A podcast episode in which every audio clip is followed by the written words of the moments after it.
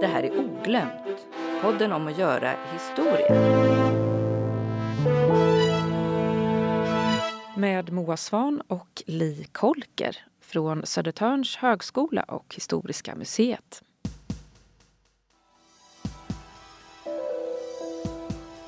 Vissa arkeologiska fynd blir extra berömda.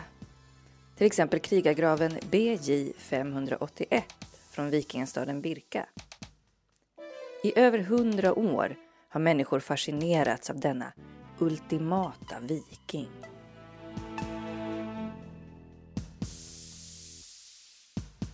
Men 2017 publicerades nya resultat om graven och det blev, rent ut sagt, ett himla liv. Det har skrivits upprörda texter. Eh, och vad är det då, Li, som är så otroligt upprörande med den här Birka-krigaren och framförallt den nyare forskningen som gjort den aktuell igen? Ja, jo, men det, det är en spännande, eh, en spännande fråga. Eh, det är en väldigt spännande eh, grav, lämning det här. En grav alltså på Birka i Mälaren som ju var en speciell plats under vikingatiden. Och den här graven grävdes ut redan i slutet av 1800-talet av Hjalmar Stolpe som grävde många gravar där ute. Och då presenterade han den som en krigargrav. Och det är en grav med ja, all liksom, krigarutrustning som man kan föreställa sig egentligen. Så en komplett utrustning som arkeologer brukar säga då. Så det finns eh, det finns sköldar och det finns spjut och det finns eh, rester efter pil och båge och det finns en stridskniv och så vidare. Och så vidare. Eh, så det här är liksom en typisk eh, högstatuskrigare från vikingatiden. Och sen då för några år sedan eh, i ett projekt Ehm, som ah, jobbade med ancient DNA, alltså att göra DNA-analyser på eh, gamla skelett och benrester. Så ehm, gjorde de undersökningar, flera typer av undersökningar. DNA var bara en av de ehm, analyserna och konstaterade att den här krigaren i grav 581 då var en biologiskt en kvinna. Jag tänkte att vi skulle lyssna på eh, vad eh, Anna Lihammer har att säga om detta. För att hon är ju eh, arkeolog, eh, forskare, skrivit böcker om vikingatiden. Mm. Eh, om hur det faktiskt var. Sen har hon också nya böcker då liksom om hur man har sett på vikingen. Men jag träffade henne och så frågade jag henne eh, är forskarna i alla fall överens om att Birkakrigaren var en kvinna? Mm. Mm, det låter så här.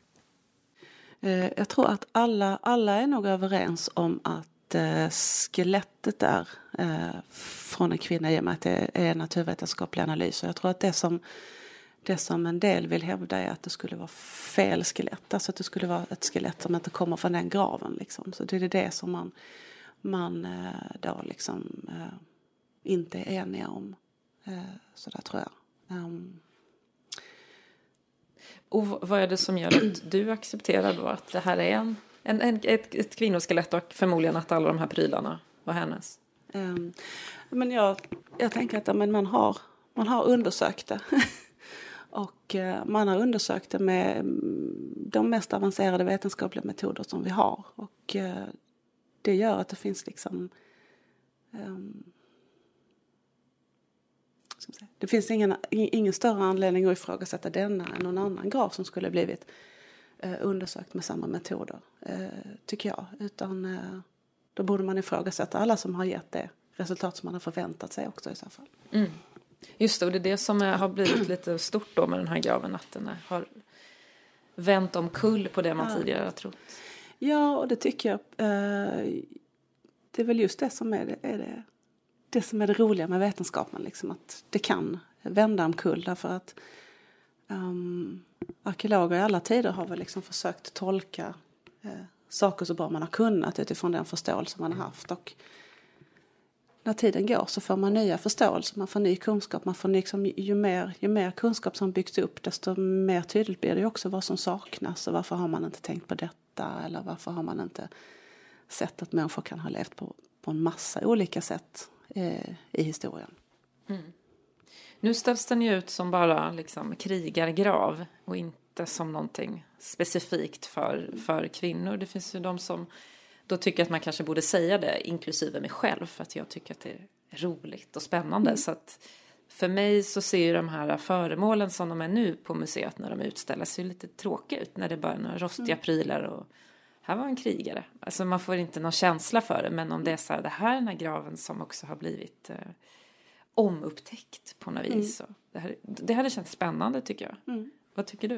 Eh, Det som jag själv tycker är det mest spännande med, med arkeologi och med forskning överhuvudtaget är väl just det här, alltså själva upptäcktsresan eller forskningsresan. Att ställa en fråga, försöka besvara den, eh, veta om att någonting, någon ny upptäckt kan fullständigt kasta omkull det som man har vetat innan. Och det, det är liksom det som på något vis är det som är spännande eh, med det. Och eh, det tror jag att de flesta människor skulle tycka var spännande och få vara medbjuden på den här upptäcktsresan och, vis, liksom, och den här förståelsen att vad som helst kan, kan komma. Liksom. Någonting kan rucka om det vi, det, det vi har trott förut. Och, ehm, ja, en, en, en kvinna kan ha haft en roll som krigare. Liksom. Eh, och det är det som... Det är ju spännande och inte, borde inte vara provocerande. Liksom. Men att man har lyckats då säga att det här är en, en, en kvinna med hjälp av DNA och, och andra undersökningar. Hur ovanligt är det liksom? Bo- Borde man inte kunna göra det här med fler krigargravar nu då? Eh, problemet är att det är ganska eh, ofta som det inte finns eh, skelettmaterial.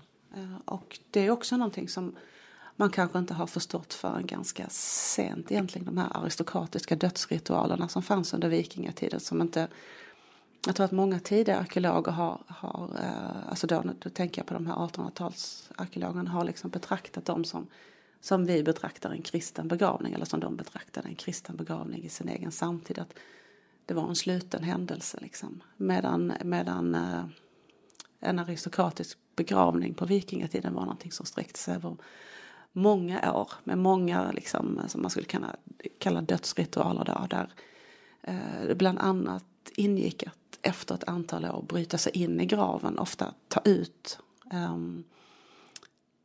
vissa specifika föremål. Det är ganska ovanligt med svärd i gravarna till exempel eftersom det är förmodligen någonting som man har plockat ut och använt på nytt. Liksom.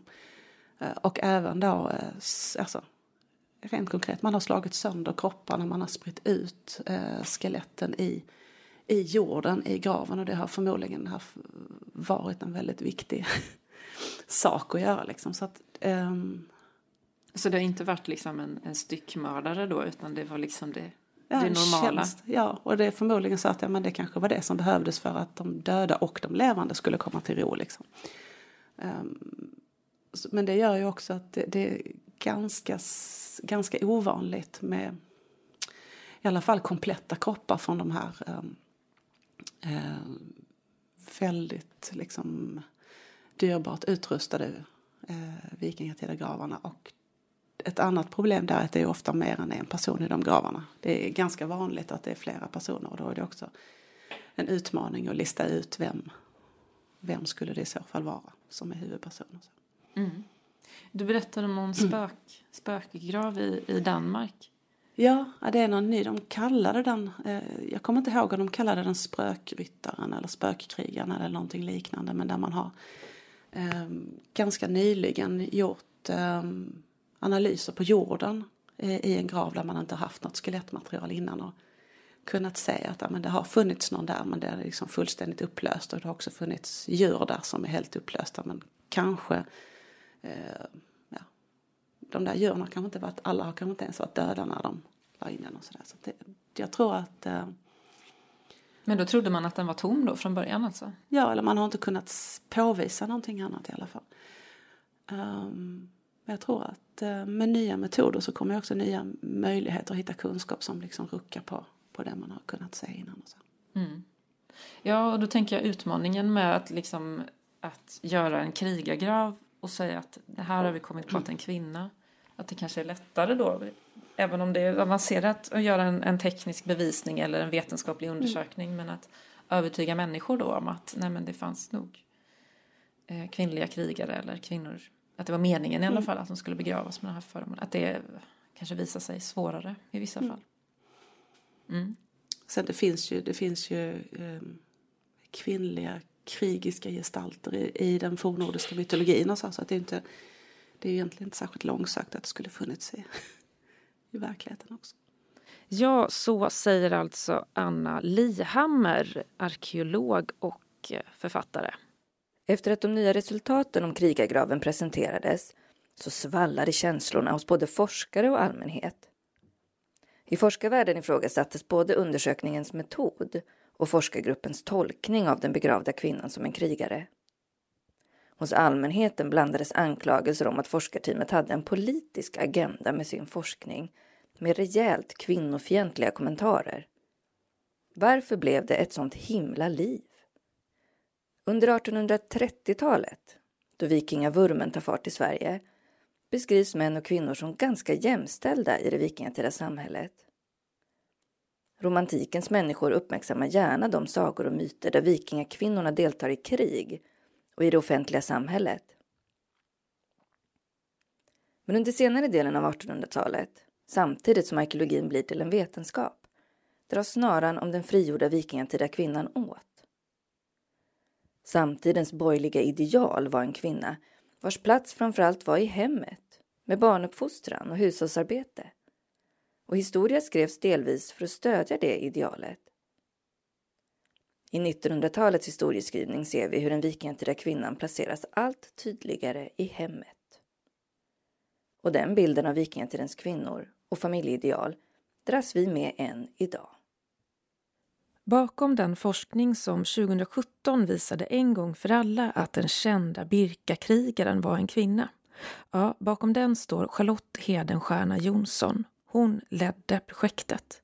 Och hon och hennes forskarteam kunde fastställa att skelettet som begravts i den vikingatida Birkagraven var en kvinna. Men de nöjde sig inte med det. De valde också att tolka kvinnan som en krigare.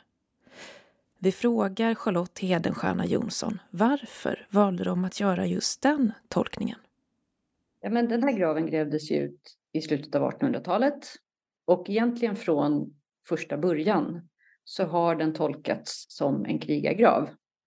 Och det beror ju på hur graven i sig ser ut. Att den, är, den innehåller eh, en, om man nu vill kalla det för en full uppsättning vikingatida vapen. Så att alla de, i princip alla de vapentyper vi känner till från vikingatiden finns representerade i graven. Eh, och det finns väldigt lite annat. Så att den bild man har liksom skapat när man har begravt den här personen är en krigarbild. Eh, men sen ligger också graven placerad på ett sådant sätt eh, att den är liksom nära förknippad med de krigiska miljöerna på Birka. Den ligger precis vid borgen och garnisonen och den ligger på en plats som också har varit synlig både från vattnet och från staden. Och, och så att allt det här tillsammans ger tolkningen att det är dels en krigare, dels någon i ledande ställning. Det är ju en väldigt rik grav med den här väldigt upphöjda platsen så att säga. Ehm, och den tolkningen är jättebra. Så att när vi fortsatte med att studera det här skelettet hundra år senare drygt, så fanns, vi tyckte inte att det fanns någon anledning att, att ändra tolkningen, så det är egentligen inte vår tolkning, utan den tolkningen har gjorts av många, de allra flesta faktiskt, fram till dess att vi fick lite mer fakta.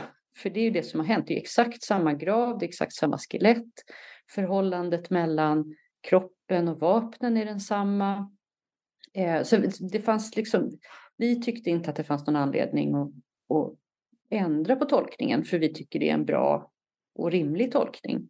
Det biologiska könet var så viktigt visade det sig eh, idag, så att tolkningen plötsligt inte blev eh, trovärdig längre.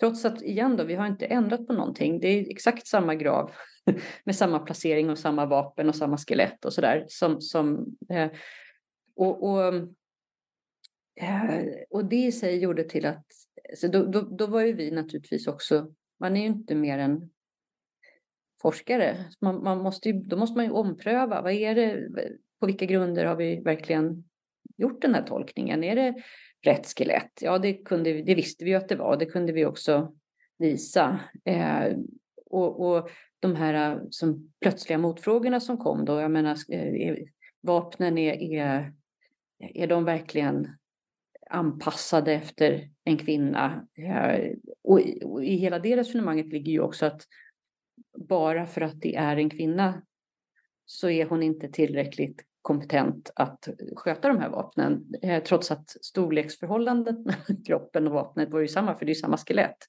Eh, så, men, men då gick vi också igenom vapnen och hade eh, dels en, en otroligt skicklig vapensmed som tittade på eh, hur de är så att säga designade. Eh, och, och, och, även där så visar det sig då att, att tyngden i svärdet ligger nära kroppen, det är ganska kort klinga, yxan som av vissa sagt att ja, den är för tung, den kan man inte, en kvinna kan inte använda den i strid. Den är inte alls tung, den är ganska lätt och smidig faktiskt. Eh, fullt i linje med, med många andra stridsyxor, men inte, inte i den större kategorin så att säga. Så det finns inte heller några, om man bryter ner och tittar på det praktiskt så finns det egentligen inte heller några saker som hindrar. Det fortsätter att tyda på att det här är en person där vapnen faktiskt till och med kanske är tillverkade just för de så personliga egenskaper som, eller fysiska egenskaper som den här personen har haft. Eh, och sen själva skelettet i sig då så är det tydligt kvinnligt i, i sin form. Men kvinnan har varit lång som en vikingatida man. Eh, och hon har varit i, i medelåldern. Så hon har haft, eh, man tänker också rent praktiskt, så har hon haft eh, tillräckligt hög ålder för att kunna uppnå den position som verkar speglas i graven. Att hon, hon, om det hade varit ett barn så då... Eh, och det finns ju några få sådana, väldigt få, men dock eh, tillfällen när man har barn som är begravda med vapen. Det finns en sån grav på Birka till exempel. Eh, och där får man ju fundera på vad betyder det då? Det, det är ju inte, inte lika troligt att det barnet åtminstone har fyllt samma funktion som en vuxen person. Men i det här fallet så finns det liksom inget som, som, som hindrar.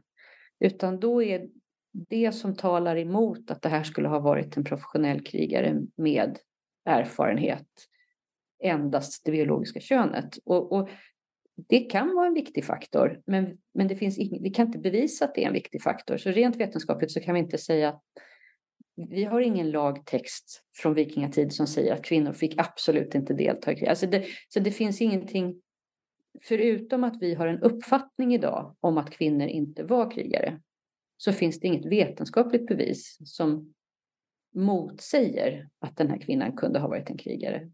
Så det blir på något sätt ett, ett, ett vill man väl, det krävs någon annan typ av eh, resonemang och kanske också bevisföring egentligen för att man ska kunna omtolka graven på vetenskapliga grunder.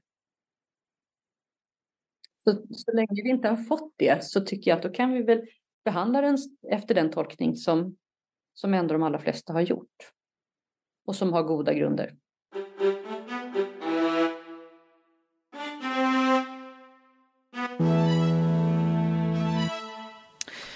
Anna Lihammar var ju inne på att eh, det roliga med arkeologi och forskning är ju precis det här att eh, få vara med om när någonting blir helt omkullkastat då. Mm. Att vi tänkte att det var så, att det var mm. snubbar som krigade även på vikingatiden och så får man vara med om det här spännande. Eh, vad tycker du, gör det liksom forskningen roligare och spännande eh, och tror du att liksom då vanliga människor klarar av det här och mm. hantera att sådär, vadå igår sa ni det här och nu sa ni det här. Vad, hur ska ni ha det? Vad är egentligen sant?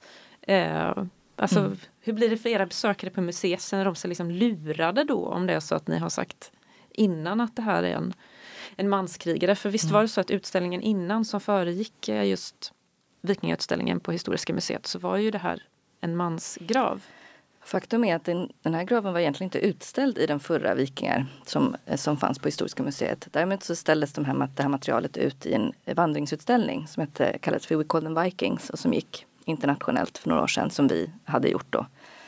Ehm, och då var det ju en krigare ehm, och en man. Då, mm. då liksom problematiserade man inte det alls ehm, och då visste vi heller ingenting om de här nya resultaten. Så att, nej men alltså Precis, jag tycker att det är roligt som Anna säger eh, eh, att att det är liksom den här upptäcktsresan som hon kallar det för. Eh, och att hon tror att många eh, människor som inte har så mycket förkunskaper gärna skulle vilja bli inbjudna i det. Så att säga, att få hänga med på den här upptäcktsresan där mycket kan hända. Särskilt mm. över liksom, flera tiotal eller hundra år som i det här fallet från att Hjalmar Stolpe grävde fram det här, den här graven.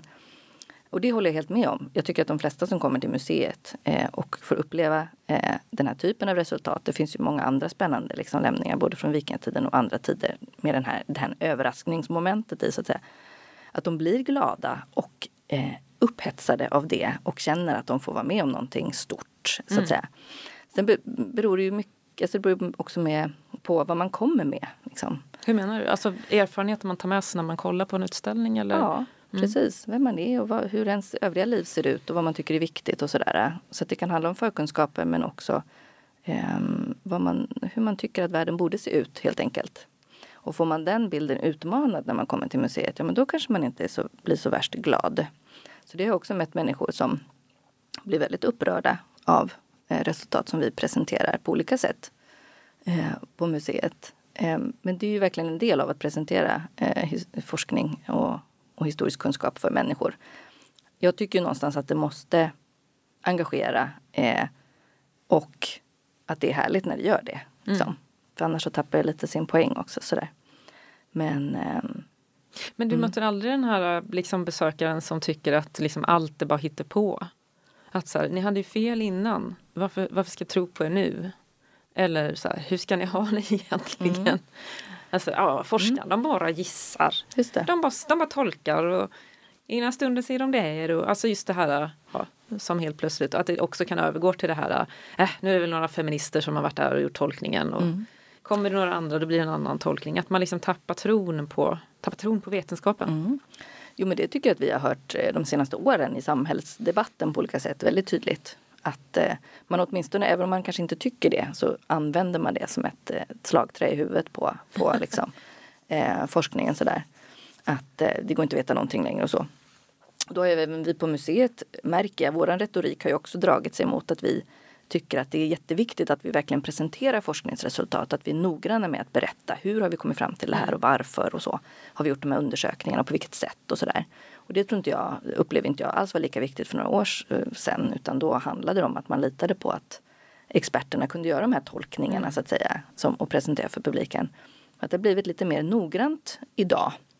Eh, men jag upplever inte att det så ofta i mötet med besökare faktiskt. Eh, att de är sådär, vi kan inte hur kan ni veta någonting och så. Utan det kanske mera är liksom i i media och i skriverier och sådär tycker jag att det dyker upp. Ja, alltid, alltid så överdrivet i media. Mm. ja, nej men någonting som jag tänkte på det är ju att eh, när jag själv kollade in de här prylarna på, på, på ditt museum mm. eh, så, vet det, så, så hittar jag ju dem inte sådär per automatik utan jag ser ju ett, ett gäng rostiga klumpar som mm. ligger i en monter och så står det då att ja, det här var, var ett svärd och, och så. Mm. Men alltså de här, de här fantastiska liksom, stridsvapnena är ju rostiga. Mm. Eh, så guldsmycken och den typen av prylar från vikingatiden är ju fort, kan ju fortfarande vara väldigt vackra. Liksom. Mm. Men det här är ju rostat. Eh, men, men det står ju inte heller liksom Tada! Här är den där vikingakrigen som alla snackar om. Det står inte heller så här, vi hade fel. Eh, hur, hur blev det så där? Vad, vad bestämde, som, Anna Lihammar tyckte ju att det här var det, var, det är ju så här man gör, att liksom så här, men sluta med att hålla på tjej och kille liksom. Mm. räcker med att det är en krigare, vi behöver inte diskutera eh, könsidentitet. Så här. Och det, det, kan jag ju hålla med om. Samtidigt så missar man ju då att det är den där spännande mm. snackisen och mm. att det är som en port då till ny kunskap. Men precis, som en port. Det tycker jag är en jättebra sätt att beskriva det på. För det är precis som det är. Egentligen borde hänga liksom en stor neonskylt med en pil ovanför den montern. Eh, för att det, man kan utgå ifrån den och sen kan man ta massor med vägar in i det förflutna och in i vikingatiden. Vare sig man liksom håller med eller inte mm. om, om eh, de här resultaten, om tolkningarna och så. Men det är väl kanske, jag vet inte, alltså på många sätt tycker jag att Historiska museet har varit eh, de senaste åren ja, men ganska frispråkiga kring olika grejer. Vi tar upp liksom olika ämnen och vi jobbar med samtiden. Vi vet att den är, eh, historia egentligen handlar om, mycket om liksom vår samtid och, och påverkar den och framtiden och så.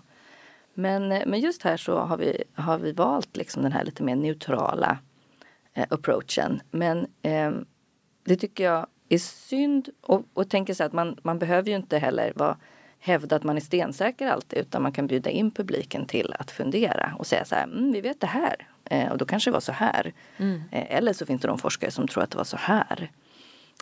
Um, och det har vi gjort i andra utställningar men då kan det också växa, väcka irritation att man som besökare får en fråga så här, och vad tror du? Eller vad tycker du? Då blir, alltså, och det kan jag verkligen fatta. Man kommer till museet och vill veta. Men vill ni, ha, vill ni ha de där känsl känslorna liksom? Om du har en visning när känslorna går höga och sådär. Känner du så här, yes jag lyckades? Mm. Eller är det liksom tvärtom? Nej, nej att de ska gå därifrån lugna och... Just det, harmoniska och, ja. och utsläpade. För ibland blir folk väldigt provocerade av kultur, mm. alltså teater eller mm. stand-up som jag håller på med. Och mm. då kan det också vara sådär kan man ju själv då känna när man liksom håller på med sceniska grejer att man bara, men tänkte du att poängen var att du skulle gå in och inte behöva känna någonting mm. här? Mm. Eh, för eh, jag tror att vi tänkte ungefär precis tvärtom. Precis, ja. lite fel utgångspunkt. Nej, så men... har man blivit arg då är det, så här, mm. det är misslyckat, det är fel. Just det. Ingen Nej. ska behöva bli arg. Nej men tvärtom tänker jag. Alltså, faktiskt. Eh, och det är väl också något som jag kan fundera på att det här med känslor, att historia väcker känslor, det vet vi att det gör. Och inte minst för att vi hela tiden använder historia i nutiden för, av olika anledningar, för olika syften. Eh, och då går vi igång på det för att det handlar om saker som är nära oss själva. Mm. Eh, men, men jag tycker att historia måste väcka de där känslorna och det engagemanget för annars så kommer det bli allt mer eh, oviktigt för människor. Mm. Eh, ämnet och forskningen och så. Och det har jag tänkt på det att det är ju, det är ju på ett sätt lite trist att det ska vara på det sättet. För det finns ju massa annan forskning som pågår eh, för att vad ska man säga, göra det bättre för människor. Eh, forskning, medicinsk forskning till exempel, som inte kräver att folk ska eh, bli liksom, engagerade och upphetsade eller stå och applådera eller sådär. Ja, just det, man söker inte pengar för att forska på något. Eh, nej, men det här kan du inte forska på, det tycker folk är tråkigt. Mm, exakt, utan då finns det andra mm. syften så att säga som gör att det ändå är värt liksom. Mm. Men, men, eh. känner du att det är så? Att det finns liksom ett underhållskrav på er? Ja, på museet? Att om, om det inte är kul så, så ska man inte eh, presentera den forskningen eller mm. historia ska vara kul. Annars är det inte viktigt. Ja, nej det ska åtminstone vara eh, väcka någon sorts engagemang hos mm. människor och någon sorts känsla. Liksom. Och det tror jag är ganska typiskt för vår tid att det behöver vara så. Eh, så har det inte alltid varit. Jag tror att för 50 år sedan kanske man nöjde sig med att det bara var korrekt. På det sättet så bidrar jag med utvecklingen när jag gör stand-up om historia till att eh, det ska vara kul. Jajamän. Mm. guilty. Mm. eh, men om vi kan liksom runda av det här så skulle jag vilja fråga dig eh, vad betyder det här, den här upptäckten för dig? Du som ändå verkligen gillar historia mm. och eh, Särskilt sån här gammal historia som mest Precis. baseras på, på föremål och inte så mycket eh, texter. Just det. Jo men den gillar jag. Eh, jo men för mig det, var det just en sån här eh, liksom pirr i magen, eh, ett pirr i magen resultat faktiskt. Eh, när det kom. Jag tyckte det var otroligt spännande. Och alltså både för att jag eh, ju tycker att kvinnor har inte haft någon som helst plats i historien i princip. Någonsin. Eh, och de måste få ha det, vad, vad de än har haft för roller så att säga. Eh, så jag tyckte det var spännande av den anledningen. Men också för att det just ställde allting på ända. Precis som Anna Lihammer pratar om här i intervjun. Eh, att det öppnar upp massa dörrar som inte ens har varit synliga innan. Inte att de varit stängda utan de varit helt osynliga.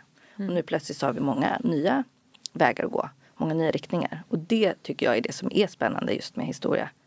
Att det plötsligt sådär, mm, nu händer någonting som gör att nej men nu måste vi tänka på ett helt annat sätt. Mm. Och så har man något nytt att nysta i. Så det tyckte jag var underbart. Det här pirret. Mm. Mm. Pirret, ja precis. Det är jättehärligt. Ja. ja, nej men då får vi väl tacka för, för det här avsnittet. Mm. Eh, vi får prata mer om, om krigare tycker jag. För det känns som att det är så stor del av, av historieskrivningen. Och vad ska man göra med dem? Mm. Mm. Verkligen. Så tack för den här gången, Li. Tack själv Moa.